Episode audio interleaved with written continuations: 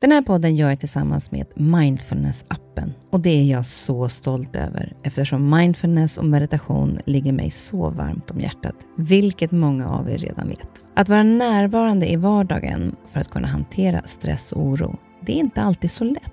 Då kan man ha mindfulness-appen nära till hands för att hjälpa dig när du behöver. För mig kan det vara så till exempel när det gäller sömnen, att vissa dagar då har jag riktigt svårt att komma till ro. Framför allt när det är mycket med jobbet. Då brukar jag använda mindfulness-appen och avsluta dagen med en avslappningsövning för att sänka stressnivån. Det gör det så mycket lättare för mig att somna sen. Oavsett om du kämpar med sömnlöshet, stress eller bara behöver en stund för dig själv så har Mindfulness-appen verktygen för att hjälpa dig att slappna av och sova bättre. Appen är utformad för att passa in i din livsstil med korta övningar som passar även de hektiska schemana. Som lyssnare till Nyfiken på så får ni 40% rabatt på prenumerationen av Mindfulness-appen. Länk till erbjudandet ja, det hittar ni i poddens Instagram, kaspersen nyfikenpa. Eller så går ni in på themindfulnessapp.com kristin. Du lyssnar på en podd från Perfect Day. Välkommen till min podd Nyfiken på. Här får jag chansen att möta människor som jag är nyfiken på utifrån deras historia, kunskap eller erfarenheter. Människor som jag inspireras av och förhoppningsvis kan vi med det inspirera er. Och om ni gillar avsnittet får ni jättegärna dela det så fler får chansen att lyssna och det ger mig också möjligheten att få spridning på podden så att jag kan fortsätta länge att bjuda in människor till roliga och intressanta samtal. Glöm inte att du också kan gå in och prenumerera eller följa podden så missar du inte när avsnittet släpps. Veckans gäst är underbara Sanna Nilsen. Få artister har börjat så tidigt som hon och som haft en ihållande karriär hela vägen. Hon började som sjuåring med olika talangjakter och som elvaåring så kom hon med sin första singel.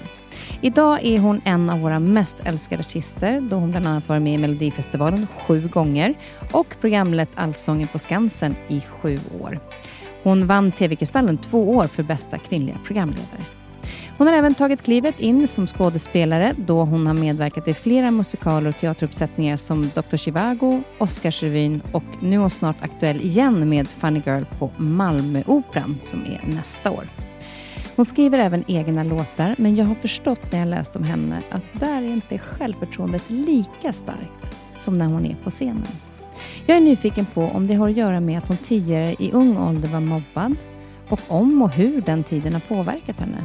Vi pratar om det, men också om livet och den framgångsrika resa hon har haft i sin karriär. Om att våga utmana sig själv, att nå sina drömmar och att också våga lita på det man känner, som kan vara en utmaning i sig själv. Och självklart pratar vi om livet som mamma till Gibson som precis har fyllt ett år. Och jag ser att du har Polly. Exakt. Jag har, Polly, jag har, har du gjort research? Exakt. Det var så roligt därför att du säger um, någonstans där jag läste att man kan inte ta en, man måste ta fler. Nej, jag vet, jag vågar inte börja. Nej, precis. Och då blev jag så lycklig att du eh, hade samma craving på samma. Det är mitt favoritgodis. Är det sant? Yes. Nej men gud, jag tror inte jag har träffat någon som har Polly. Nej, men Polly, till och med när jag sprang eh, maraton, det var 2013, ja. jag och en kompis, vi gillade Polly båda två. Ja. Då hade, hade man så här rescue belt runt midjan. Du Polly? Med, med liksom pengar man skulle ja. behöva ta sig. Och då hade jag stoppat ner en liten påse med Polly som hon skulle få vid mållinjen. Nej. Så jag blev ju helt lycklig när du sa att du älskade Polly. Så Nej, då tänkte alltså. jag vad roligt. Polly och chokladbollar. Ja, Polly och chokladbollar. Ja, det är bra. Vad härligt att du är här. Välkommen ja, Sanna. Tack så jättemycket. Vad fint att få vara här. Ja, supermysigt. Och jag måste bara säga, jag har lyssnat nu på, eh, på låten Mer än ord. Ja. Nej men alltså herregud, den här texten. Mm. Eh, jag upplever att det är den tryggheten som jag skulle... För Det kan ju vara till ett barn, det kan vara till en partner. Mm. Eh, precis lika gärna. Mm. Men den, och den tryggheten som jag upplever i texten känner jag med mina barn. Men det är verkligen det här som jag ser fram emot den dag jag träffar någon. Mm. Eh, och det här när, eh, när det vi säger utan ord, ja. den är så klockren. För att man behöver inte alltid säga ord, tänker jag. Nej, precis. Nej, och när vi skrev den också så... Det är ju någonstans en eh, berättelse om eh, hur jag och min sambo träffades. Och så försöker man att balansera det där, att ja, men det kan vara ett större eh, perspektiv också såklart. Men, men då var det väldigt mycket så här att jag föll så oerhört mycket för det vi sa utan ord. Alltså att vi kunde sitta tysta i ett rum eller tysta på en bilfärd upp till Dalarna i fyra timmar och sa inte ett ljud. Och, och det kändes ändå så tryggt och, och bra.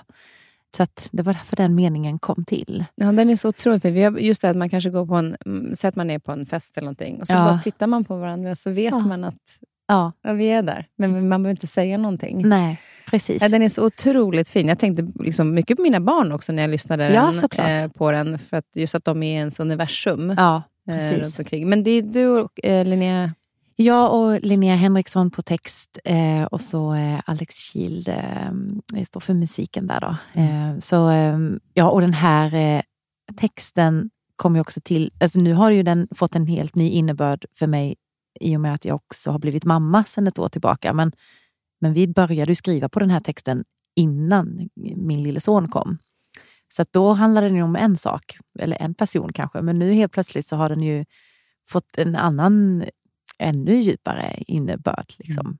Men det är det som är fint tycker jag med låtar, just det att jag har ju ingen som jag kan tänka så eh, partnermässigt. Mm. Men så ändå känner jag ja. connectad till låten för jag tänker mina barn. Ja, och det är jätteviktigt. Det ska ju vara, jag vill ju att lyssnaren ska få hitta sin relation till låten, så det tycker jag är jättefint. Och Det är väl också en, en del när man skriver att era ord blir mina till exempel som ja, lyssnare. Precis. Att jag gör det till... För det, ja, att du kan känna igen dig i det och att du kanske hittar ord också som du bara, ja men precis som du sa nu. Det är en så klockren mening det här, det vi säger utan ord. Att du hittar någonting som verkligen känner att ja, men det är precis så jag känner för mina barn också. Eller för den relationen som, jag, som betyder för mig. Mm. Ja, men det är superviktigt och jag lär mig så mycket också när man skriver eh, och skriver tillsammans med andra. För jag tycker det är skitsvårt att eh, öppna på den där dörren också. Vad är det jag egentligen känner och tycker och vad vill jag berätta i det här? Och att våga eh, göra det också för någon annan än den man kanske lever med eller för sig själv. Det är, det är, det är svårt och det, det tar lite tid. Är det en balansgång, tycker du? Ja, det är en balansgång. Men jag, jag tror också att jag är väldigt jag har ju gjort ett val väldigt tidigt också att vara ganska privat. Eh, så här när man är offentlig. Och att försöka vara personlig men ja, men den där balansen, hur mycket ska man bjuda på och inte? Och så vill man också då börja skriva musik. Och, och så när man skriver texter ibland så tänker jag, men det här kan jag ju inte leverera, för nu, kommer de ju tro, vad, är, vad händer i hennes liv? Liksom. Och så kanske det inte alls handlar om mitt liv, men det blir ändå så otroligt eh, nära. Så det, är en, det är en svår balansgång det där. Mm. Men har det, för man, om man tänker tillbaka då, för du började ju som sjuåring. Ja. Eh, just det att du väljer också det privata, tänker jag, att du vill mm. hålla det. För det blev ju väldigt tidigt då med olika talangjakter. Mm. Och sen var du 11 då när, när eh, din ja. debutsingel ja, eh, till en fågel. Exakt. Vad, vad minns du från den första tiden när du var i studio? Kommer du ihåg hur det var att gå in när i jag var 11 där, jag minns, oh, oh, det är alltså man minns liksom inte så himla mycket, jag minns liksom fragment sådär, men jag minns ju att jag, producenten Lennart Sjöholm, eh, jag minns att vi skulle åka till honom här i Stockholm och jag stod i hans potatiskällare tror jag. Alltså minns jag det som att det var. Det var massa potatis. och det, eller det do, eller, ja, men du vet så här, jag bara, nej men gud det är massa potatis, det doftar potatis. Och det, ja, men det var liksom en, jord, en jordkällare typ, kändes det som. Och första gången jag liksom stod i en riktig studio eller vad man ska säga. Mm. Eller jag hade stått i vissa studios tidigare men nu var det ju, nu skulle jag spela in min nya singel så på riktigt. Eh, och det är väl typ det jag minns från den inspelningen och också att eh, Lennart han var, så här, han var fantastisk men han var verkligen så här, nu, nu tar vi det en gång till. Vi tar den frasen en gång till och jag minns att jag blev så irriterad. Att jag bara, men jag har sjungit den här jävla låten nu hur många gånger som helst. Vadå, är jag inte bra? Liksom. Lite, men för jag tänker ju, roligt med det här med potatisgrejen med tanke på ja. att man pratar om det här glamorösa livet som många ja. kan tro att det är. Liksom, men man kan hamna i en potatiskällare också. Jajamän, absolut. Eh, men du var ju så himla blyg blyg. Ja. Eh, och det var det, då tänker jag så här, att kliva in då och börja sjunga för andra och de ska någonstans lite grann bedöma en. Var, mm. var du blyg i den situationen också?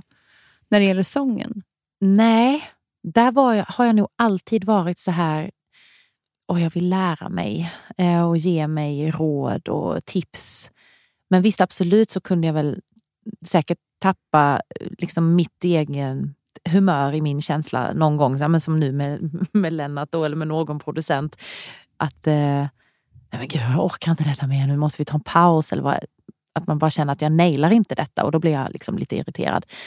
Men blyg, eh, skulle, nej jag skulle nog inte säga att jag har känt mig blyg i de situationerna för att det har varit så otroligt roligt att få bara lära mig vissa saker och hur, hur man kan sjunga i en studio, man kan liksom, hur, hur sångljudet kan vara och man liksom sjunger i lurar. Och, ja, det, var, det var en helt ny värld som upptäcktes. Jag var bara, jag bara sög in mig. Kände du dig hemma då? Ja, jag gjorde det. Mm. Och det gjorde jag faktiskt första gången jag ställde mig på scenen. Jag vet mamma och pappa var så här, du är sju år gammal och eh, räcker inte upp handen i skolan, vågar knappt liksom titta på folk, eh, hålla ögonkontakt med dem. Det kan jag känna idag, att jag också har lite svårt med ibland att blygheten kommer. Mm. Eh, att jag flackar lite med blicken ibland för att jag inte riktigt är kanske 100% trygg eller vågar hålla fokuset där. Men, men på scenen, då är det då var det, det hur lugnt som helst. Och jag vet inte riktigt varför, men jag känner mig trygg där.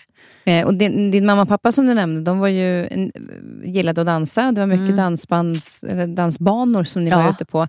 Vilken typ av musik blev det automatiskt för dig från början? Ja, men det blev ju att jag lyssnade väldigt mycket på dansband eftersom mamma och pappa var ute och, och dansade mycket och då följde jag oftast med. Men det var väldigt blandat. Alltså, det var ju Lotta Engbergs orkester som, som gick där hemma eh, eller Kristina Lindbergs orkester. Eh, och sen var det Arvingarna och sen rätt som det är, ja då kom Michael Jackson. Och sen, men sen så när jag var typ 11-12, då tror jag jag fick min första skiva utav min dåvarande manager Bert Månsson. Utav, um, och då var det Céline Dion. Den här Falling into you-albumet, eh, det här vita konvolutet. Eh, så. Och sen var det bara Céline Dion för hela slanten. Eh, eller Céline, Whitney Houston och och lite sånt där. Så att, eh, ja, deras röster är ju... Jag har ju faktiskt varit hemma hos Céline Dion. Nej men du skämtar! Nej. Va? Nej men alltså... Såg du mina ögon? Jag såg dina ögon två gånger. Jag tänkte på det när jag, såg, eh, när jag läste om det. Ja. Nej, men, du... men, hon är så, alltså jag måste bara säga det då, för att hon är ju så otroligt härlig person. Ja, hon är det? Alltså hon har sån sjuk humor så att, alltså, men... hon, hon skämtar hela tiden. Nej, alltså, riktigt rolig är hon. Nej, Gud, riktigt rolig och väldigt så här, generös. Kolla här är min garderob, här kan du få titta på allt om du vill. Och så öppnade hon alla skåpen och hon öppnade liksom, ja, här är min glas, solglasögon-garderob. Man bara, okay. Oh shit alltså. alltså men hon, hon är precis så som jag ändå alltid har trott att hon är. Ja, väldigt härlig. Men när var detta? Ja, när var du hemma hos henne? Tio år sedan kanske. Tio år sedan, det är inte så länge sedan nej, ändå. Nej, mina söner var med. Nej, men. Eh. Varför kunde du inte ringt mig? hade jag vetat hade jag direkt. Eh, men lite rolig anekdot bara. Åh, vad kul! Ja, nej, men hon, hon, det är det jag bara vill, liksom, just det att du har haft henne som en sån... Ja. Eh, att hon verkligen är en helt underbar... Jag vet bara det här klippet mellan Tommy Körberg och henne, när nej, hon alltså. tittar så snett på honom. Och det ja. är så ovant.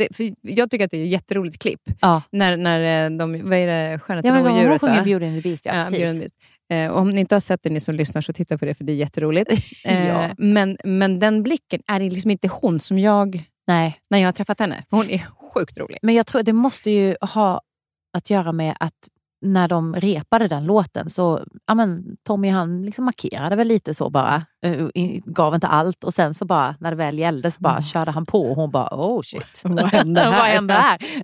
den är jag. helt obetalbar. Den, den, ja, kolla på den om ni ja, inte har sett den. det måste ni göra, verkligen. Eh, men, men när man då kommer till det här med blygheten i skolan och så, mm. så pratar du om det här med att inte räcka upp handen. Och du ja. hade ju svårt för matematik. Ja, och, eh, vi pratade faktiskt lite grann innan vi började spela in om skolan och att man kan lära in på olika sätt och sådär. Mm. Eh, och du hade svårigheter då i, i matte. Mm. Men att du hade en lärare som, som kom med bra tips, för när du inte vågade ja. räcka upp handen. Ja, men gud, jag, henne kommer jag aldrig glömma. Jenny Kilander, hon var så fin mot mig eh, alltså i alla lägen. Men jag kommer ihåg något sånt här kvartssamtal som man hade, eller utvecklingssamtal eller vad det hette. Och, och, hon sa, jag vet ju att du har lite svårt för matematik eller, eller bara att du är blyg i, i skolan och att du inte vågar räcka upp handen och säga dina svar. Men jag vet ju att du tycker om att sjunga och du sjunger jättefint och så här, så kan du inte bara sjunga ut svaren istället? För du kan ju dem. Jag vet mm. ju att du har rätt. Och jag bara, ja, ja, ja, nej, men jag vet inte. Så här. Men det gjorde jag ju aldrig. Men det är mm. ändå att hon såg det någonstans, att jag hade den problematiken eller att jag hade problem med det och att jag jag visste ju svaren. För jag, om vi liksom hade prov och vi skrev, så skrev jag ju det. Det var bara att jag, jag var rädd Mm. Att eh, prata inför andra, tror jag. Och, eller vad ska andra tycka? Det har alltid varit en sån grej. Tänk om jag gör fel, kommer de skratta åt mig då? Eller, eh, Ja, du har ju utmanat dig genom åren. ja, precis. Och det kanske är just därför. Du har ju verkligen pratat inför andra också. Eh, Ja. eh, Många kan man säga Ja, men, framöver. men alltså privat, om jag skulle hålla ett tal privat, sådär, Mm. då skulle jag vara skitnervös.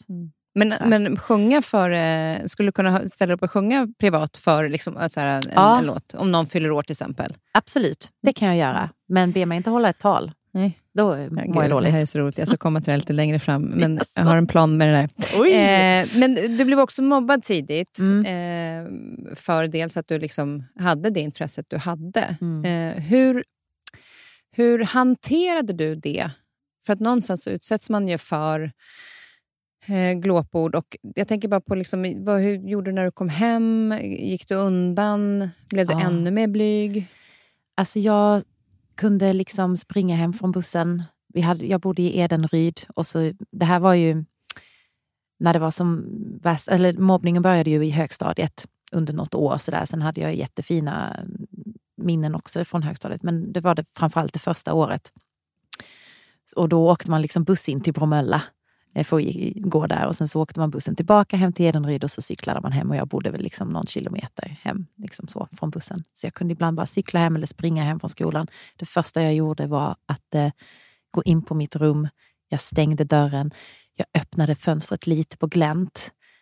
Och sen så satte jag igång eh, Celine Dion eller Whitney Houston, min lilla anläggning som pappa hade köpt till mig och min mick. Och sen så stod jag och sjöng i timmar innan jag gjorde någonting.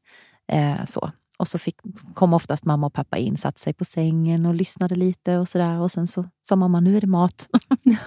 Men det var din frizon och det var Ja. där du eh, flydde ifrån den delen? Alltid. Alltid var det så. Även om jag var glad över någonting så var det bara, jag måste bara hem och få sjunga av mig. Alltså så. Så det, var, eh, det var det innan jag kanske tog tag i att eh, berätta för mamma och pappa vad som hade hänt. Eller så kom det i samma veva. För att jag menar, de förstod ju också att, att det här var min ventil. Eh, att stå på rummet och sjunga och, och få ur mig alla de känslorna jag hade. Först och främst innan jag kanske kunde eh, berätta riktigt vad, vad som hade hänt just idag eller hur jag kände. Och så. Och vad har det, då får ju också sången ytterligare en dimension i betydelse för dig. Om, Mm. om du säger vad, vad skulle du säga om du liksom in, timmen, timmen innan du sjöng och eh, känslan efter? Hur det var då. Ja, ja. för Ja, just när, när du hade sjungit av dig. Vad Ja, var det men- som hände? Ja, när jag hade sjungit av mig, ja, men då var jag ju... Eh, då var det som att jag liksom hade eh, så, borstat av allting. Eh, så, nu tar vi nya tag.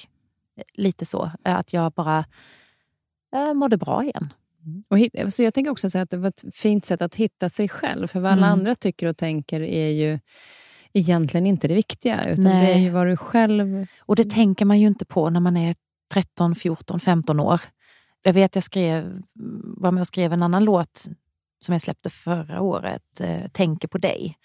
Och det är lite som ett brev till mitt eh, 14-15-åriga jag.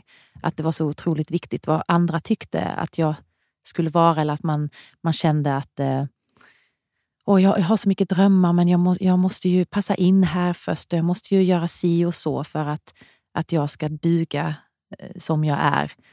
När i själva verket, eh, du kan vara, du, det är okej att vara osäker på dig själv när du är 14 och 15. Det är okej att vara osäker på dig själv hela livet. Alltså det, det är okej att känna allt det där. Du måste inte alltid ha en tanke på att det här vill du eller den här personen är du. Eh, Du måste ju bara kunna få leva ditt liv också och vara frågande liksom till vad, vem är jag nu? Och, du Och- och behöver låt- inte liksom och vara låta klar. Exakt, och bara låta vara i den känslan. Ja, Eh, precis. Så att, vi, att just att landa i att få vara den man själv är. Ja, Och Det var det någonstans jag bara tänkte på att du också kommer tillbaka till, när du kommer tillbaka till rummet och sjunger, exakt. så kommer du tillbaka till den du själv är. Exakt, så ja. Oavsett vad de säger i skolan. Ja, precis. Ja, men det var verkligen så. Och jag kanske inte själv visste riktigt vem jag var, men det var där och då i mitt egna lilla rum så, så var jag precis den personen som, eh, som, som fick mig att bara må bra och bara vara.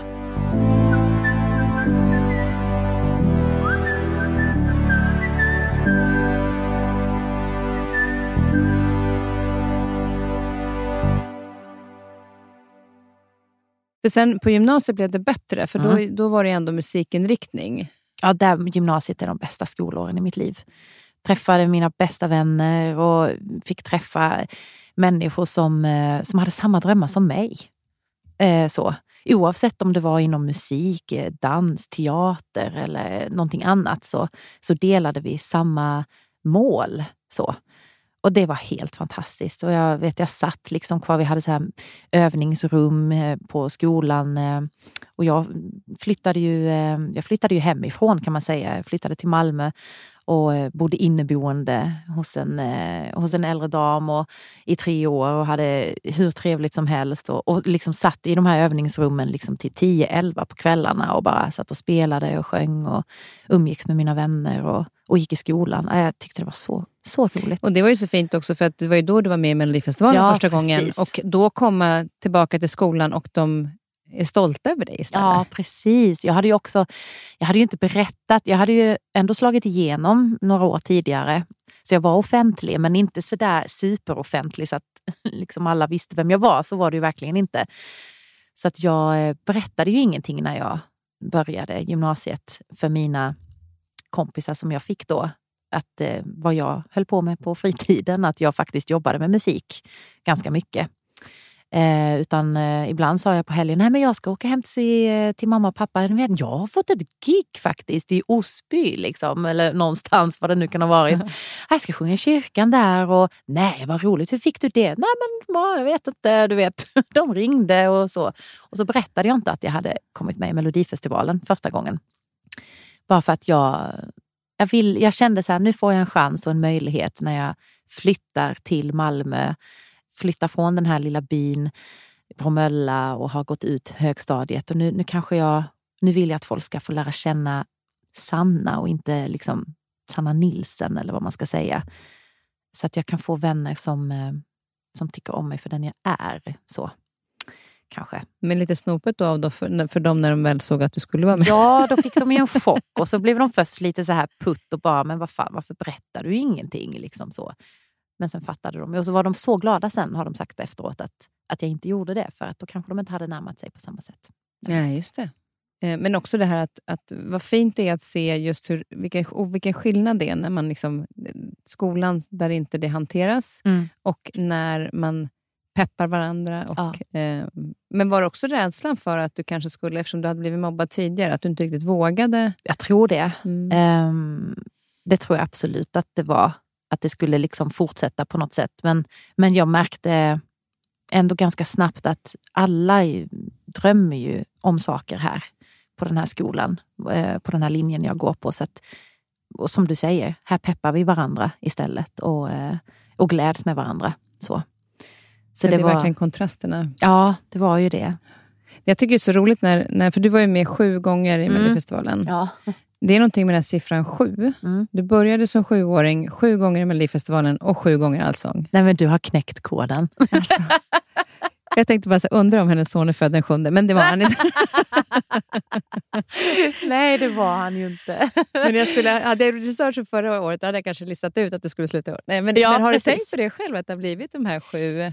Ja, alltså så här när jag också valde att lämna allsången så var det ju det att först och främst så var det för att jag tänkte att eh, i våras när jag satt och gick igenom alla nummer som jag har gjort under årens lopp, mina egna shownummer under allsången, så bara tittade jag på den här listan som jag och producenten Vera Prada hade gjort en gång i tiden för sju år sedan av alla shownummer vi ville göra. Så såg jag på den att, nej men gud, jag har gjort allt. Allt det som vi satt och drömde om för sju år sedan har vi prickat av. Alla nummer. Och nu har jag de här kvar som jag vill göra. typ. Och då kanske det är dags att lägga av. Eh, eller liksom, Var det så det liksom landade? det var så det började. Mm. Eh, och då började jag öppna på den dörren. Och sen så bara helt plötsligt slog det mig också att nej men det är mitt sjunde år i år. Just det, sju år, min första talangtävling, sju gånger i Melodifestivalen. Det är också ganska coolt. Roligt. Och så tänkte jag, det berättar jag inte för någon, utan det har jag för mig själv. Men du knäckte den. Jag knäckte det. Det var roligt. Men just det här att du, att, ehm, du har ju också blivit mamma. Så Mm. jag menar, allsången har ju varit en fantastisk alltså, tid och du har ju ehm, extremt omtyckt. och det är ju så härligt att se. att Jag, jag, jo, det, jag träffade Lotta Engberg inför sista... Mm. Hon skulle gå och kolla på eh, sista allsången. Jag mötte henne på Kungsgatan. Nej. Och Hon hade precis, kom precis från tåget. Hon bara, jag måste gå och kolla Sandras sista allsång. Ja. Och Då såg jag på kvällen och det var så fint att se. För ni har verkligen... Liksom, hon har ju, du har ju följt henne eftersom Mm. du lyssnade mycket på henne. Men ni har Mm. haft en väldigt fin kontakt under vägens gång. ja, det har vi verkligen haft. Under karriären. Ja, under hela karriären och, och också så här nu under allsångsåren. att eh, det, det är ju så mycket skriverier såklart om, det är två stora allsångsprogram. Det tycker jag också är roligt, att ni två också gör då allsångsprogram som har följt varandra. Ja. ja men det är väldigt fint. Ja. Eh, och vi, vi är väldigt måna om varandra och, eh, att, eh, och peppar varandra. Eh, och vi är ju kompisar. Liksom. Jag har ju haft henne som kompis sedan jag var sju år gammal. I princip. Så häftigt. Eh, ja, när jag satt där och dinglade med benen framför scenkanten när hon sjöng liksom, världens bästa servitris. Och Mamma och pappa dansade förbi. Nej, men alltså, det är så, Och sen satt hon där det är så nu. fint. Och så satt hon där och jag hade ingen aning. Och jag hade, hon hade ju suttit där under hela programmet och så, så kommer jag där i mittgången liksom, och sjunger Ding Dong av Lasse Berghagen. Och, och så säger Vera Prada, eh, producenten i mina öron, titta lite åt ditt vänster, säger hon. För jag har inte sett henne. Så jag bara ding dong, ding dong och så tittar jag åt vänster. Han sjöng ah! Liksom. Jag bara, vad sitter du här? Åh herregud. Och så blev det värsta kramkalaset och så fick jag, och så fick jag höra så här i öronen bara, ta din tid på dig, vi har tid. Så här Ja. efter när jag skulle prata med Lotta. Och, så det är lugnt, kör på bara. Och jag bara så det, blev, det samtalet blev ju bara skrik och eh, glädje och kramar och vad roligt att ska du ta mitt jobb säger jag till henne. Gud vad roligt. Nej, det var jättefint. Ja, Men hon hon- är en fin människa. Ja, verkligen. Också mycket härlig humor Ja, henne. gud ja. Där, det sitter inte hårt åt. Men vad har allsången betytt för dig under de här åren? Det är en stor fråga. Alltså, den, den, den har kommit mig så otroligt nära. Eh, den kommer alltid att eh, finnas i mig som ett... Eh, alltså det, är det, det är bland det roligaste jag har fått göra och som också har utmanat mig mycket. Jag har liksom fått göra jag har fått göra alla shownummer jag har velat i det där programmet. Jag har fått dansa, jag har fått sjunga fantastisk musik. Jag har fått sjunga duett jag, eh, med olika artister och gjort humornummer. Allt som jag liksom drömmer om att jag ska göra i karriären. Och så har jag fått liksom, ja, göra det på mitt sätt på den där scenen. Och sen även så här, alla intervjuer som jag har varit livrädd för att göra. Jag kommer ihåg första året eller första åren, första säsongerna, jag bara, "Men alltså, jag vet inte hur, vi måste skriva de här frågorna. Jag vet inte, jag vet inte om de inte svarar det jag tror, vad ska jag då ställa för fråga? Och, ja, men du vet, innan man har vant sig vid att lyssna och känna och slappna av och sådär. Det tog några säsonger. Så att det har lärt mig mycket om både tv och eh, hur man kan vara på en scen tillsammans med en publik som kanske inte är just din publik heller. Allt, för de är ju där för liksom massa artisters skull och, och så. Men att jag, ja, att jag får liksom bli vän med dem också på något sätt. Så att jag det blir ett långt svar på den här frågan. Men jo, den, men det är så häftigt, för när, man, när jag tittar nu på sista programmet så är det ju verkligen att du alltså, memorerar ju text eh, mm, galet. Eh, ja, För du har ju och jag liksom, bara, ja. ja, men alltså, det är ju helt sjukt. Det är ju liksom dels alla allsångstexter och sen Ja. egna låtar och allt du säger däremellan. Mm. Att, vad har du någon speci- alltså jag blir lite nyfiken eftersom vi ändå har lite samma jobb. Då, när Ja, man jobbar som programledare. Hur memorerar du? För Ja. att du, och du gör det så naturligt. För ibland kan man ju säga att man och tänker lite, men att det, att det hela tiden faller sig så naturligt. Ja, men först och främst så tror jag, alltså, även om ett manus skrivs eller eh, låttexterna och sådär, det har jag alltid haft eh, lätt för. Jag sitter och nöter text och ser det också.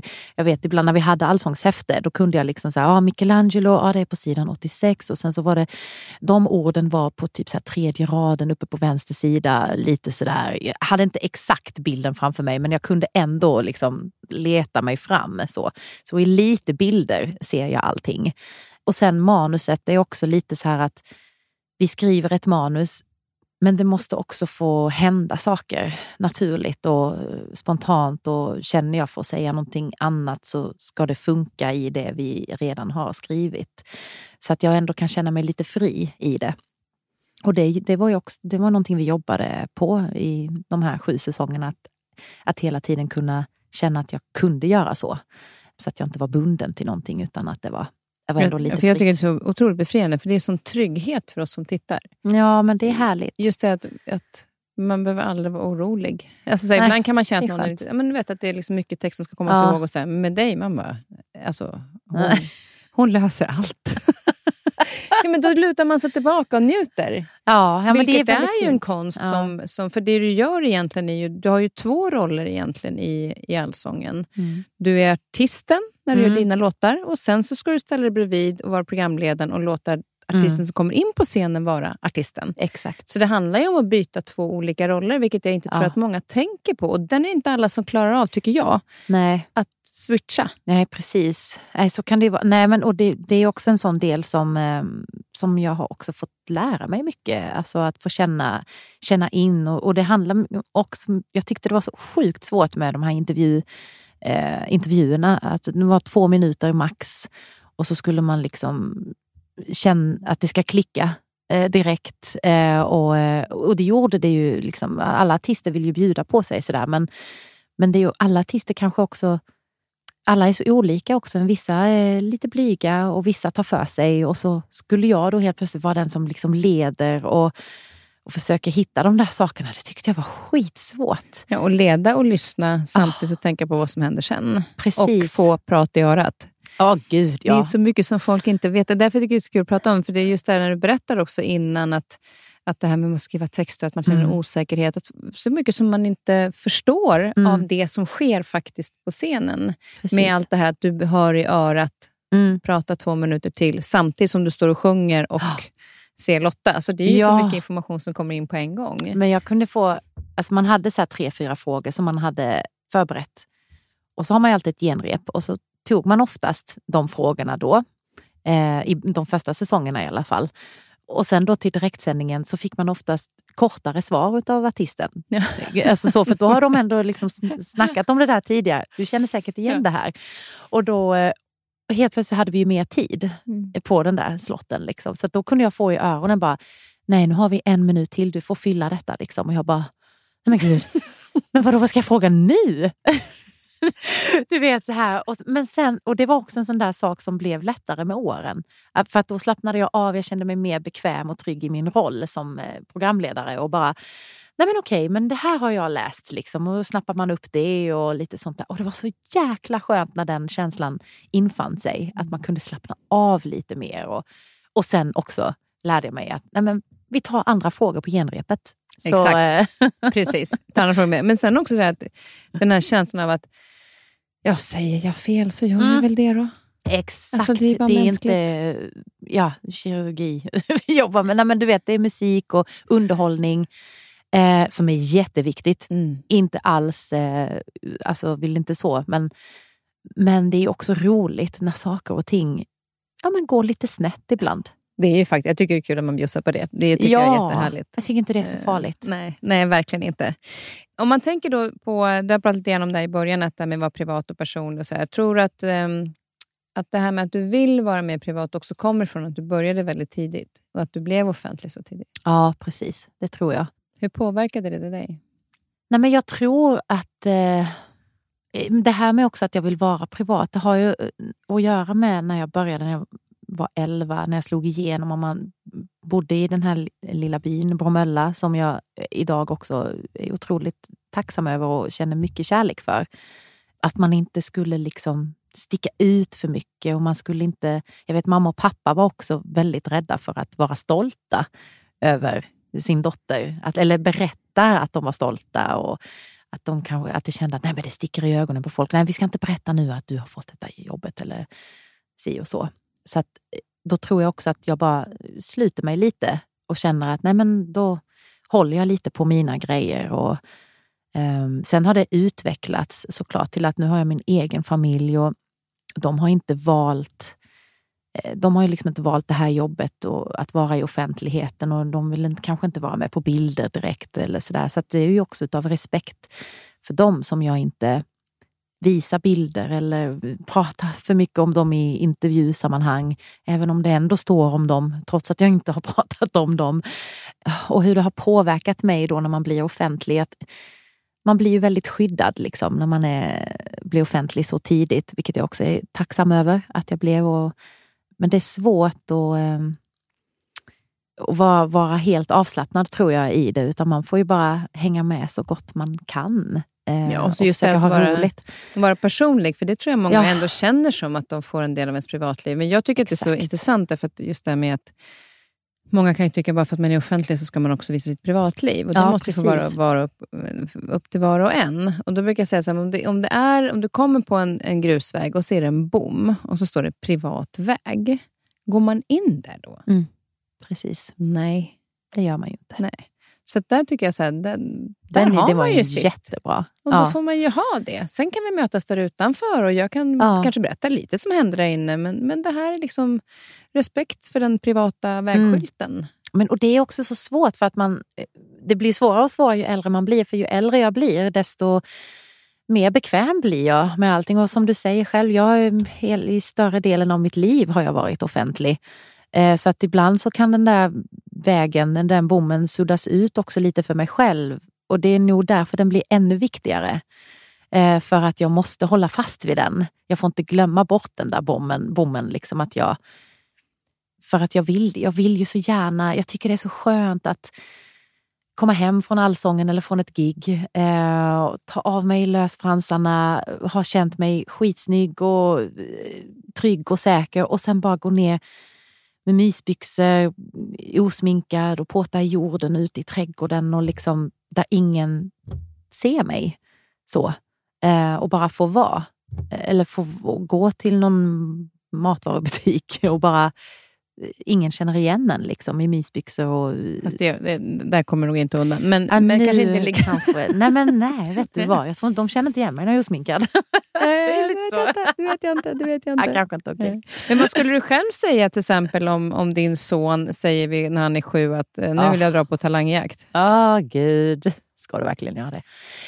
Nej, men... Eh oh, jag har inte vågat tänka den tanken riktigt tänka, än. Just det här att det finns ju väldigt mycket positiva upplevelser ja. med det, men det finns ju också en del saker som har varit jobbigt. Absolut. Skulle du vara uppmuntrande i det? Eller skulle du...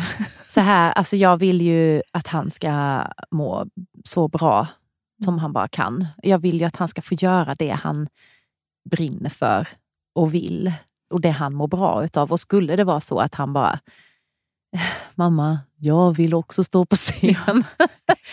så självklart ska, kommer jag att eh, finnas där för honom i det också. Mm. Eh, såväl som hans pappa också kommer göra det. Men vi, och kanske också att vi vet ju då vad, vad som krävs, eller vad, eller vad som krävs, eller vad, vad, hur det kan vara också. De här mm, baksidorna utav det där livet. Eh, just offentligheten, att du blir, kan bli igenkänd och att det kan vara si och så här. Och, men då kommer vi i alla fall finnas där som en mm. liten guidning kanske. Jag vet inte. Nej, för jag tänker just att det är, det är ganska lätt att när man själv har känt eh, känt den, alltså när du har kommit hem och du går in och sjunger, för att mm. den, så att den delen. Men samtidigt så är det ju också en fantastisk ja. upplevelse. Så att det, det är sån här balansgången. Det är så dubbelt på något sätt. Men för mig har det alltid varit positivt att börja när jag var, så här, när jag var ung, eller när jag var 11 år gammal. Och att jag fick också så här skynda långsamt och bara få ta det i min takt. Och alltid har det varit att det är inget jobb för mig, utan det här är min hobby. Det här är det jag tycker är det roligaste som finns. Så det vill jag ju att Gibson i så fall ska få med sig. Att det är ju det är någonting du mår bra av att få göra, att få ha i ditt liv. Och jag märker ju nu, även om inte han skulle ha musik eller sång i, som sitt yrke, så han älskar ju musik. Han sitter ju liksom och diggar det hemma till bara liksom tvättmaskinen går igång så bara mm, mm, mm, sitter han så här. Det är väldigt roligt att se. Så på något sätt så tror jag att han ändå kommer få med sig det där. um, och det, för mig har det ju varit det bästa som finns. Mm. Sen är det väl med som allt, det, finns, eh, det är dubbelt. Ja, visst är det så. Så är det ju.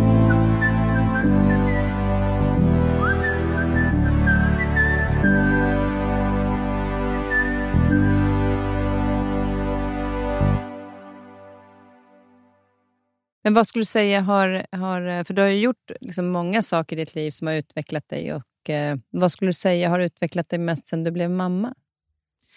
Ja, men, eh, jag är så otroligt tacksam över att eh, vi fick bli föräldrar och att, att, eh, att Gibson kom till oss. Och, och, och den här, eh, jag tror att det som, det som har, den största skillnaden nu är ju att man känner att det, det är ju han som är det absolut viktigaste i vårt liv och allt vi gör och allt vi planerar är liksom för honom och med honom. Och jag har också fått känna att det finns någonting ännu större än det jag älskar mest av allt att göra.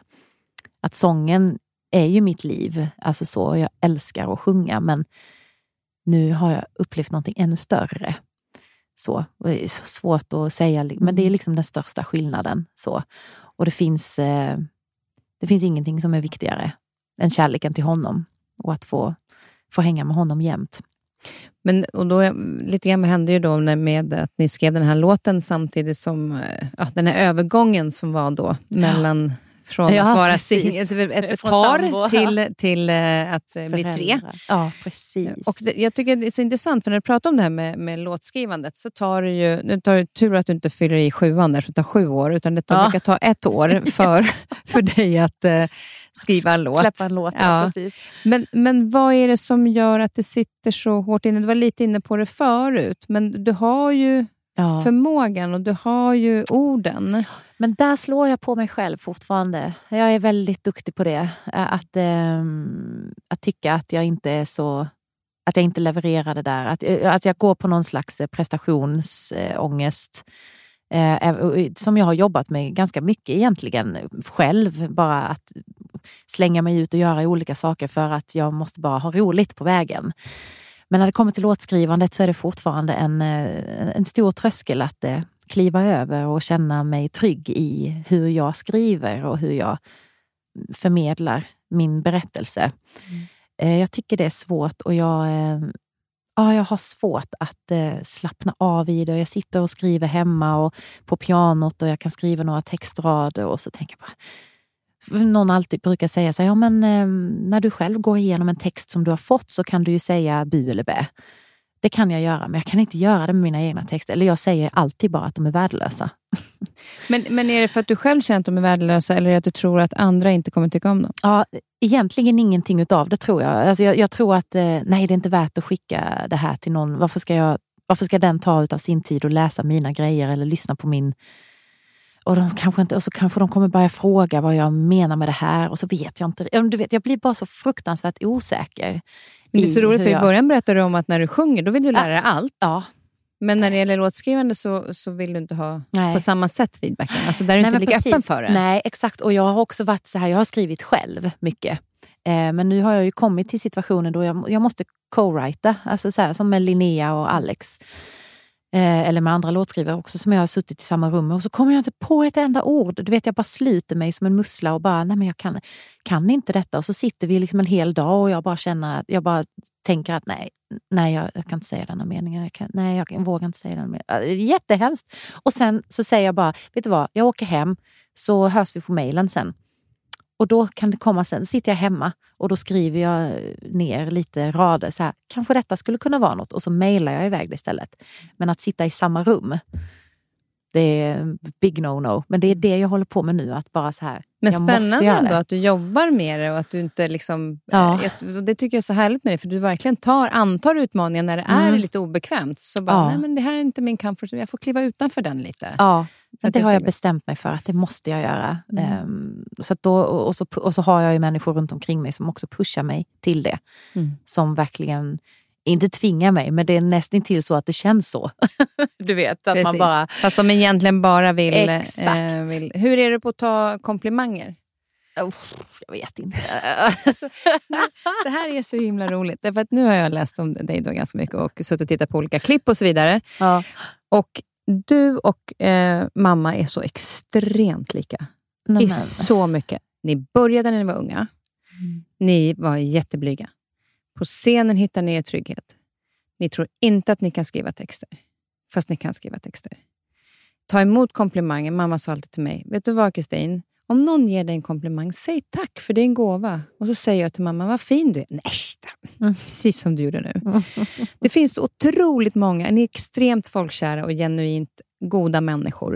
Eh, det är så himla... Var jag än kom så bara, men gud, det låter som Men mamma. Gud. Det låter som mamma. Och, Oj, oj, oj. och sen läste jag ju att du hade pratat om mamma som en typ förebild. Ja, ja, gud ja. Absolut.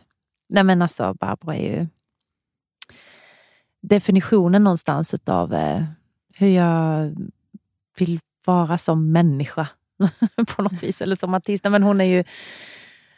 Varje gång jag mötte henne så var... Eh, hon såg alla när hon kom in i ett rum. Eh, hälsade på alla. Hon var bjussig. Hon var sig själv kändes det som också. Ehm, och helt fantastisk. Hon är, var ju, är ju min idol. Mm. Men det var så kul, för jag var ju hälsade på en gång när ni var på Grand Hotel. Ja. Eh, Jag tror om det var Polarpriset. Det var Polarpriset. Ja. Och du hade vita kläder på dig och Ja. mamma hade röda. Mm. Och så stod ni bakom scenen och ni fnittrade. Mamma var i sitt esse. Alltså ni två tillsammans skrattade så mycket. Ja, det gjorde vi. Så när verkligen. jag satt och skrev det här manuset, nu Mm. satt inte jag så här att du skulle berätta hur fantastisk min mamma är, Nej, det men- finns en anledning till det här. Att jag, för att jag, dels att ni är så himla lika eh, Mm. i så mycket som ni gör. Och sen när jag kom till det här att du pratade om henne, då blev jag tårögd, för jag tycker det är så fint att hon har spridit det. Så då säger jag att, i var jag tvungen, att, eller tvungen, jag bara kände att jag ville ge dig någonting som är från mamma. Så då Mm. frågade jag mina söner om lov. Så då hittade jag Eh, nu har inte jag tvättat den här, för jag vill att den ska se ut som, som eh, den gjorde när jag fick den. Så jag har tagit med en liten ljusstake, för mamma älskar det ljus som du kanske vet. Så ljuset Ja. får du av mig. Och sen så vet du att du kan alltid liksom tända det ljuset. nej, men liksom- Kristin. Så, Nu får jag, nu får jag gåshud här. så och, sa jag eh, till mina söner att är det okej om jag, för hon hade ju några stycken, hon hade ju så himla Ja. många ljusstakar. så då så sa jag, är det okej om jag ger den här till Sanna? Så åh. där har du någonting mer Nej från men mamma. gud, tack! Och nu blir jag alldeles rörd också. Så eh, tack så hemskt mycket. Den här kommer stå på en fin plats där hemma. Och så finns det ju en annan sak som ni båda eh, faktiskt också började med under karriären och det var skådespeleri. Mm. Eh, att våga ta det steget. När var det du kände att du Åh. kände att så här, Åh, det här är jag nyfiken på? Eh, nej men det hade jag eh, ganska tidigt ändå. Men jag minns att jag så här runt 2010, 11, alltså så att jag, när jag började också, vad, vad skulle du vilja testa Sanna? Jag, bör, jag, jag tror jag lämnade ett skivbolag och eh, signade med något nytt och kände bara att oj, det finns ett smörgåsbord där ute. Vad vill jag göra? Nu öppnar jag upp alla drömmar och så bara, åh, skådespeleri skulle ju vara kul och leda Melodifestivalen skulle ju vara roligt och bla bla bla. Och så helt plötsligt så, så får jag eh, eh frågan om eh, att göra Dr. Chivago på Malmö Opera. Eh, och en av huvudrollerna där, Lära. Och det var ju också då i samband med att när jag tackade ja till det, då hade jag också, skulle jag precis gå in och göra Melodifestivalen 2014. Eh, och 2014 gick jag och vann Ja, Mello och precis. gjorde Eurovision och kom hem därifrån och gjorde sommarturné och sen var det fullt ös med den där eh, musikalen. Så att det var liksom, det året var fullknökat. Men det var så fantastiskt befriande någonstans att få ställa sig på en sån scen, spela en annan roll och få känna att man, det, efter ett sånt år också, att inte behöva vara den eh, sångerskan Sanna Nilsen eller vad man ska säga, artisten så, utan att jag, jag ställde mig i en ensemble och fick jobba med det och fick jobba fram en annan karaktär. Det var så skönt och läskigt. Otroligt läskigt. Jag var sömnlös i fem veckor. Vaknade upp och liksom, när ska de komma på att jag har ingen utbildning i detta och jag kan Och vad, inte och vad kommer det skådespela. därifrån? Att man inte har en utbildning i detta? Nej, jag vet. Alltså, Det vad vad lustigt dumt. det är. Ja, vad dumt det är. Man kan ju faktiskt vara skitbra ändå. Ja. Förlåt, nu var det dålig svenska. Men, men man kan ju faktiskt vara det. Eh, och, Ja. och våga lita på att de hade inte tagit med mig Nej, precis. om inte jag hade de klarat av det här. Nej, exakt. Finns det ändå någon liten där som... Ja, en liten jävel Mm. där som knackar på dörren och bara eh, sitter där och säger att nej, du ska inte tro att du är någonting eller du ska inte tro att du kan det här och så. Det kommer nog alltid finnas med mig tror jag. Mm. Någonstans. Men eh, Men jag, Men du har lärt dig att hantera den? ja, jag tror det. Ja. Jag tror det. Nu. Men just det att du, jag har ju också gjort liksom shower, egna shower. Jag såg på Mm. Börsen till exempel. Och sen eh, att göra den här teatern. Är det liksom den kombinationen, är det den du tycker om? Ja, För då jag får du både vara Sanna Ja, i det allt du precis. älskar att göra eh, och sen också vila ifrån det. Ja, precis. Ja, men jag tror verkligen jag tror att jag behöver det också. Mm. För att kunna vara kreativ sen. Och jag hämtar ju inspiration ifrån allting som jag gör. Eh, och jag älskar att liksom stå i, i mitt rum, alltså ehm, på min scen, när jag får göra mina julkonserter eller eh, mina shower så här, om mig, där jag får berätta någonting. Men att, att få tanka energi sen och få eh, inspiration på i en annan karaktär. Det är ju fantastiskt. Och samtidigt att få lära mig. För jag tror att jag, jag har så otroligt mycket hunger kvar. Jag har hållit på sedan jag var 11 men jag är hungrigare än någonsin känner jag på att få, få testa massa olika saker. För jag, jag tycker att resan till målet är roligare än att komma fram till målet. Ja, men det är väl en vis. del av målet också? Ja, tänker jag tror det. Det är så här, man drömmer fritt. Jag bara, åh gud, jag vill stå på Las Vegas senare fast jag vet att det kommer väl aldrig att ske. Eller? Eller? Who knows? Alltså, och så bara, ja, så hamnade jag på Hamburger Börs. Och det var ju en fantastisk resa. Och det var det liksom tar mig någonstans. Jag har ingen aning och jag gillar det. Det kittlar lite. Och, ehm, Jag tycker att det mesta du har checkat in som du har skrivit upp att du vill göra, oavsett om det gäller allting i allsången eller Ja. att så, så klickar det i. Så Ja. väntar du. Du kanske står där på scenen med Céline ja. Dion en dag. Åh, ja, för att jag får följa med dig när du ska träffa henne. så väl känner jag henne inte. Men, men, eh, jag jo, det gör du nu enligt mig. Ja, enligt, ja, lite så kanske. Men, men det jag tänkte på just det här med, eh, när det var, var det Funny Girl som du Ja. faktiskt tog teaterlektioner för? Ja, ja, eller, eh, nej, jag Eller- gjorde det efteråt. För att nu, vi ska ju faktiskt Ja, göra Funny Girl igen i januari. Så att efter vi hade gjort eh, första uppsättningen Ja. eh, här 2020 så, så kände jag bara att nej, men jag, det är en sån stor roll. Så visste jag att vi ska göra den igen nu då 2023. Och då eh, så frågade jag min regissör, kan jag inte liksom få, jag, måste, jag vill ta hjälp i att kunna ta mig an ett manus. Ja, ett teatermanus eller vad man ska säga.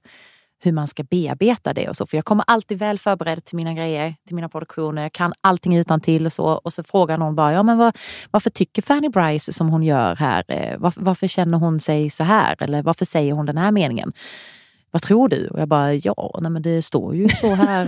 eh, eller vill du att jag ska säga något annat? Eller vadå? Eh, nej men vad har hon för känsla och sånt? Och jag bara, ja gud. Och så blir jag alltid nervös och så har jag inte riktigt gjort den uppgiften hemma då. Jag har inte grundat liksom. Så det vill jag få hjälp med. Hur man tar sig an det. Mm. Och då eh, fick jag kontakt med en skådespelerska på Dramaten. Och som eh, kunde tänka sig att träffa mig en gång i veckan i några månader. Och, och prata om eh, manus och hur man... Jag kom dit och vi fick, eh, eller jag fick en text till mig som jag skulle dela upp i vers eller prosa och vad var skillnaden på det? Och, och, det var, och så skulle vi spela upp tillsammans. Eh, jag fick så här William Shakespeare, Romeo och Julia och lite andra grejer också som var superroliga att få ta sig an. Och så ställde hon massa frågor och så fick jag svara så gott jag kunde och så fick jag lära mig allt eftersom. Vad skulle du säga var det viktigaste som du har tagit med dig därifrån som gör det liksom att du, det klickade till kanske lite att Mm. det snäppet att nu vågar jag ta nu kan jag ta mig an och förstå. Ja, och då, då skulle jag nog säga det att våga lita på sin egen magkänsla. Alltså faktiskt när man läser ett manus och man tänker, är det, är, är det verkligen så här? Att våga liksom lita på att det skulle kunna vara så, eller det kan vara så här också. Det låter jättefumligt här nu, men, men, eh, men att, eh, ja, men att, att eh, faktiskt gå på det, den första man, man känner och våga berätta det. Eh, Typ att att räcka upp handen det. i skolan. Ja, faktiskt. Ja. Precis. Eller våga spela det också då. Så kanske regissören säger, nej men det där var ju åt helvete fel. Alltså det där kan vi inte ha. Nej okej, men då är det fine. Då har jag fått testa det. Liksom. För det var så vi jobbade en del också då. Och det handlar ju återigen om att våga och Mm. känna sig modig och, och släppa, släppa all ångest och prestation och, och bara köra och vara i karaktären bara. För det blir ju karaktären, det är ju du som gör karaktären, det är ju du som gör handlingen på något sätt till slut. Och jag kan tycka just att det, när du pratar om det med prestationen, därför att, eh, jag vet inte hur du, men ibland, jag vet det var inför eh, Idrottsgalan, den här senaste svängen som jag gjort, Mm. eh, så, Mm. jag, jag gjorde den första året, men sen när jag började igen, då var jag lite så här, oh, gud, varför skulle de ha mig själv? och så där. Jag var lite Mm. osäker på, för annars brukar vi vara två. Mm. Men då så hade de sagt att, jag, att jag, var- de tyckte att jag var trygg. Mm. Eh, och Sen så gick jag in i den, den tanken. Men så blev det ändå så här, att, ja, men kan man säga så? Undrar om folk vill ha det här? Eller tycker de att det här är det, roligt? och så började jag tänka så här, men alltså om det är 8000 personer inne på Globen och det sitter en och en halv, två miljoner och tittar. Jag kan ju omöjligt veta vad de vill ha. Precis. Det är så många människor. Och då var det för mig att gå tillbaka, precis det du säger, att gå Ja. tillbaka till mig och känna, vad är det jag är här för? Ja, men Ja. det är trygg. Det, det var det de ville. Och det känner jag att jag kan leverera. Mm. Att inte hela tiden tänka på vad alla andra vill ha, för alla vill ha så mycket olika Ja, saker. precis. Och då blir jag ju splittrad. Och så Ja. känner jag, hur ska jag då kunna prestera om jag ska fylla allas önskan? Och hur ska då de kunna veta att det är Kristin eller Sanna? Alltså så här. Precis. Istället för att hela tiden gå tillbaka så här, vad har jag att erbjuda? Mm. Istället för vad vill de ha? För jag har ingen Mm. aning. Nej, precis. Och då tyckte jag att för mig blev det att jag landade lite mer att våga känna alltså, och våga säga det. Våga säga och våga, våga göra fel eller våga liksom göra saker som kanske inte förväntas eh, av en heller. eh, Men som man bara, som bara kommer till en. Sådär. Det, det tror jag är viktigt. Då hade vi kanske vågat räcka upp handen i skolan också. Ja, Eh, precis. nu, ja, exakt. Nu börjar ju snart julshowen eh, eh, här. Och det, Ja. När det här sänds då är det faktiskt riktigt eh, på G. Så nu är det lite Ja. roligt att höra hur ni tänker inför eftersom när det här sänds då är det ju typ Ja. klart. Då är det typ klart. Så hur jobbar ni inför eh, Min sanna jul? Ja, precis. Eh, nej men alltså, det är ju eh, väldigt intressant att jobba alltså när, med en sambo och eh, vi är två i hushållet som jobbar liksom med samma produktion. Och så har vi då en liten eh, son på detta som kräver all vår uppmärksamhet. Och vi bara, nej men ikväll så ska vi jobba med, med julen och ikväll ska vi spåna eh, låtidéer och sånt. Och så vägrar Gibson somna och så, så bara tar man nästa dag, liksom, "Ah, nu ska vi jobba och, och så har vi ingen barnvakt i närheten heller. Eh, Jag kan komma ut. kan, du- får jättegärna komma. komma. Du är så välkommen. Eh, nej men så det är, det man får vara effektiv Mm. eh, om man vill få någonting gjort. Så. Men det är fantastiskt roligt att få jobba. Jag har gjort julkonserter sedan jag var 16 år gammal. Ja, du, du måste ju kunna alla julsånger bak Ja, men- och fram. I princip. Ja. Det kan jag nog ändå ge mig. Vad skönt att du slipper kan. plugga texter i alla fall. Ja, precis. Där tjänar du lite tid. Ja, men så är jag ju ändå så här. Nu gör jag min 25 julkonsertturné eller vad det nu är för någonting. Så nu måste jag ändå överraska lite mig själv eh, och kanske publiken också förhoppningsvis med att hitta nya låtar som jag inte kan. Och- Kanske spela lite mer piano som jag är livrädd för men som jag gärna vill. Och bara få bjussa på någonting nytt. Liksom. Och få utmana dig själv. Och få utmana mig själv. Vilken är din gör vi. favorit? Alltså, jag måste vara drömmigt. Jag som älskar eh, jullåtar. Ja, men gud, kan du ge mig några tips? Ja, och min, ja, men alltså, min son, är, yngsta son, han är kanske inte lika förtjust i, i de eh, jullåtarna som jag. Nej. Jag älskar ju allt från liksom, de gamla låtarna till nya. Alltså, jag är väldigt, bara det är jul. ja, Ja, jag tycker, och det pratade jag om tror jag, förra året i podden, att just julen har så många, det är så många sinnen som aktiveras. Det har liksom dofter från pepparkakor och saffran och glögg och du har eh, ser belysning och julpynt och du Mm. hör. Liksom, så det blir så starka upplevelser på något sätt. exakt. Så att när jag hör en jullåt och har någon härlig eh, säga kärlekstanke till den, minne, så, så blir det som att jag är kär på nytt. Ja. Eh, fast det bara är jul. Men Ja. men vilken, vilken skulle du säga är din, en av dina favorit? Det är svårt kanske för dig att hitta någon favoritlåt, Ja. men som du alltid kommer tillbaka till. Som du, Ja. här, Ja, jag, skulle, jag skulle säga jul, jul, strålande jul. Mm. Jag är också uppvuxen med att jag har sjungit mycket i barnkörer och ungdomskörer, mycket i kyrkans körer så här när jag var liten. Och, och då var det alltid den låten vi antingen öppnade med eller avslutade med så här, i körarrangemang. Och det, den är så traditionell och så klassisk på något sätt men den, den ger mig faktiskt lite gåshud. eh, Och barndomsminnen och ja, men, som att man blir förälskad på nytt. Så. Exakt. Um, så den vill jag alltid ha med på min repertoar på något sätt. Så. Men sen så är man ju också sångerska så man älskar ju att bara få slänga in en eh, Céline Dion-version av någon låt, så här, och Helga natt eller något. det är Men det, men det är mer den stilen, för jag har ju en, min son blir galen på mig när jag spelar, men All I want for Christmas is you. Ja, Alltså jag tycker att den är helt, jag tycker nästan att den som, den som Måns och Agnes Ja, eh, har gjort, just den, den tycker jag är helt fantastisk. Och jag är nästan så här, jag hade önskat att det kom en sån version, fast lite, så här, lite gammal stil. Alltså så att min Ja. son kan börja lyssna på den någon gång. just det. Precis. Så att någon kan göra en tappning så att han inte fattar att den bara är liksom... Nej, men precis. Ja, precis. Utan att den kan vara lite mera... Ja, men den är ju eh, fantastisk och man bara lyssnar på, på texten också. Ja. Det ju, finns ju verkligen fina grejer All I där. want for Christmas is you. Ja, Ja, den är- kanske jag ska göra i år. Ja, men den gav gör mig ett tips. Och så kan och du kanske göra göra den- den på ett annat sätt. Exakt. Än, För han gillar ju lite mer det här, eh, de här gamla rävarna. ja. Eh, jag kommer inte på... Nej, men, eh, så här Bing Crosby, Ja, Bing Crosby och, dem. ja, dem precis. Och göra den i lite sån tappning. Ja, det alltså, för vore ju det har, det har inte jag hört. Nej, det har inte jag heller gjort. Nej. Så eh, absolut, nu fick jag faktiskt lite inspiration här. Alltså, Tackar jag för. den, den, eh, den, All I want for Christmas. Ja, förlåt, nu börjar Ja. jag jobba här ja, också. men det är Mm. jättehärligt. ja, men, och det Många blir, bollar i luften. Det blir turné. eh, Ja, men då blir det ju turné. Min sanna jul har jag valt Mm. att kalla den. Och eh, åker ut med mina musiker och till olika konserthus runt om i hela landet. Och, Och vad är julen för dig eftersom det är Ja. min sanna jul? ja, precis. Eh, nej, men jag skulle säga så här, jag älskar allt med julen. Eller jag älskar liksom framförallt den här tiden innan julafton. Alltså all den här förväntan och man bygger upp någonting och man får pynta sitt hus som jag har nu sedan tre år tillbaka.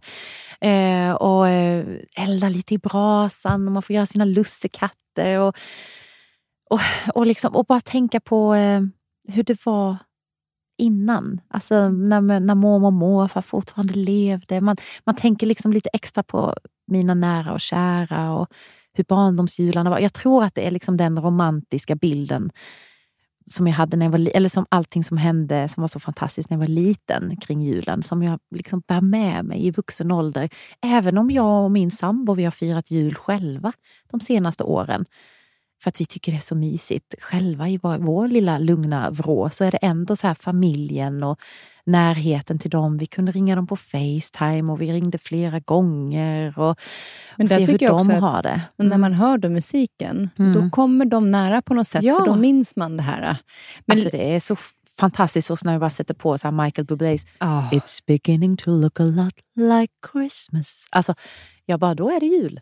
Det är jul. Ja, Och lite grann som du säger det här med tidigare med så resan, det är nästan resan som är värt mycket mer och inte målet. Nej, det är ju lite grann precis. som med julen också. Ja. Att så här, för sen är julafton ju bara över. den är ju den är ju bara kaos också. Ja, den är ju så den- stressad så det finns ju inte... Alltså, Framförallt ni som har Gud. små barn. ja, jag bara, hur, fast, hur ska vi göra nu? Han är ju drygt ett år när julafton kommer och vi bara, ska vi ha spännband runt gra- granen och liksom skyddshjälm på honom för alla ljus? Eller vad, hur gör man? Ja. Ni får jaga. Vi får jaga. Ni får jaga. Jag ska Det sitta och ta ett glas vin med mina vuxna. Det är lite lugnare nu innan barnbarn kommer. Det, lär, det kanske dröjer ett tag, men, men man får passa på att se. Då får man, för annars är jul väldigt förknippat för mig med, med mycket barn. Ja. Men lärde mig när jag hade varannan jul Mm. eh, och inte hade barn, att då ville inte jag vara i närheten av andra som hade barn, för då saknade mina egna så mycket. Ja. Så då valde jag att göra andra. Jag syrran var i New York en gång. Eh, vi åkte skidor i Åre. Så att det blev något helt annat, Ja. vilket blev väldigt fint. Ja, men För kontrasten att jag vet ju många som då separerar och så ska det Mm. bara bli varannan jul, att det är så jättejobbigt. Men Ja, att man det hittar så här, okej, men nu är det som det är. Mm. Vad kan vi göra istället? Istället för att sitta där med alla kusiner och syskonbarn och Precis. sånt där. Och man bara, vad är mitt barn då? Ja, Att det göra blir- någonting annat. Det är väl, för julmusiken finns där så man kan tänka på så man kan allting. tänka på allting Ja, ändå. exakt. Så är det. Men lycka till nu med, med eh, allt skrivande inför Ja, det. Eh, ser fram emot det och eh, hela turnén. Kommer ni när till Stockholm? Ja, då, vi Ja. avslutar på Cirkus. Ja, vad är det? Den 22 december tror jag. Då tror jag att jag är här. Nej men gud, du må, då, Då ska vi då får du Då ska komma jag gå. dit. Och som jag ska Och njuta. vad jag ska sjunga All I want for Christmas is Exakt, you. exakt, för dig. Gud vad härligt, vad roligt. Du, vad är du nyfiken på? oh, var- oj, jag är ju nyfiken på allt men då måste jag alltså... Eh, eh, ja. ja, men jag är nyfiken på eh, filmbranschen. Nu kommer det Nu kommer det massa drömmar här Ja, igen. Så här, det ännu mer det skådespeleri. Uh, oh, men gud, jag kan inte svara bara sådär. Men du är nyfiken på film? Ja, gud ja. Jag är jättenyfiken på det. Uh, men jag tror, ja, det har väl att göra med att man skådespeleriet, att fördjupa det lite. Och hur funkar det liksom att spela in en film eller serie? Hur gör man? Så. Och där kommer skådespeleriet så nära också, för kameran ja. kan ju verkligen komma nära. På scenen är man ju en liten bit ifrån. Ja, precis. Men då Exakt. är det verkligen nära. Ja, hur, eh, hur håller man fokuset? Hur man, ja, all, allting. Tycker mm. jag. Hur funkar det? Liksom? Spännande. Ja. Alltså, det är så otroligt kul att följa dig. För du Nya utmaningar hela tiden. Och eh, De ja. flesta utmaningar har du faktiskt antagit och gjort dem fantastiskt. Ja. Så nu bara att följa dig vidare. Ja, tack så Och sen mycket, nästa år så ser vi dig i Funny Girl också. Precis. Eh, du, vi ska käka lite Polly tänkte oh, eh, Men vi ska avsluta med, med eh, en eh, låt som mm. du har fått välja. Just det. Ja. Circle of life. Ja, precis. Jag tänker inte ens eh, ta några fler toner när du är här. Men, eh, ja, den, är, den betyder mycket för mig. Är, ja, precis. Den, eh, spelar, den, den blev eh, Gibsons låt eh, under tiden han låg i min mage. Eh, så, så spelade vi den för honom. så att, ja, den har också fått en djupare innebörd för mig nu. Då. Då tar vi och lyssnar på Circle of Life. Och mm. tusen tack Sanna för att du kom. Tack för att jag fick komma.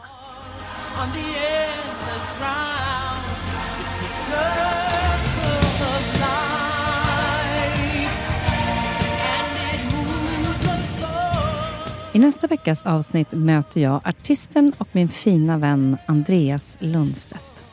Vi pratar om hur han ända sedan han var barn älskar att stå på scenen och om hur hans föräldrar så fint och självklart tog emot honom när han berättade att han var homosexuell. Vi pratar om hur det var att i tio år hålla hemligheten att han var HIV-smittad och hur han till slut vågade prata om det. Andreas berättar också om vad den tiden har lärt honom och på vilken plats han är idag, både i sig själv och som artist. För idag har han verkligen hittat sitt varför när det gäller sitt jobb. Och han berättar också om kärleken till sin publik. Så missa inte nästa veckas avsnitt.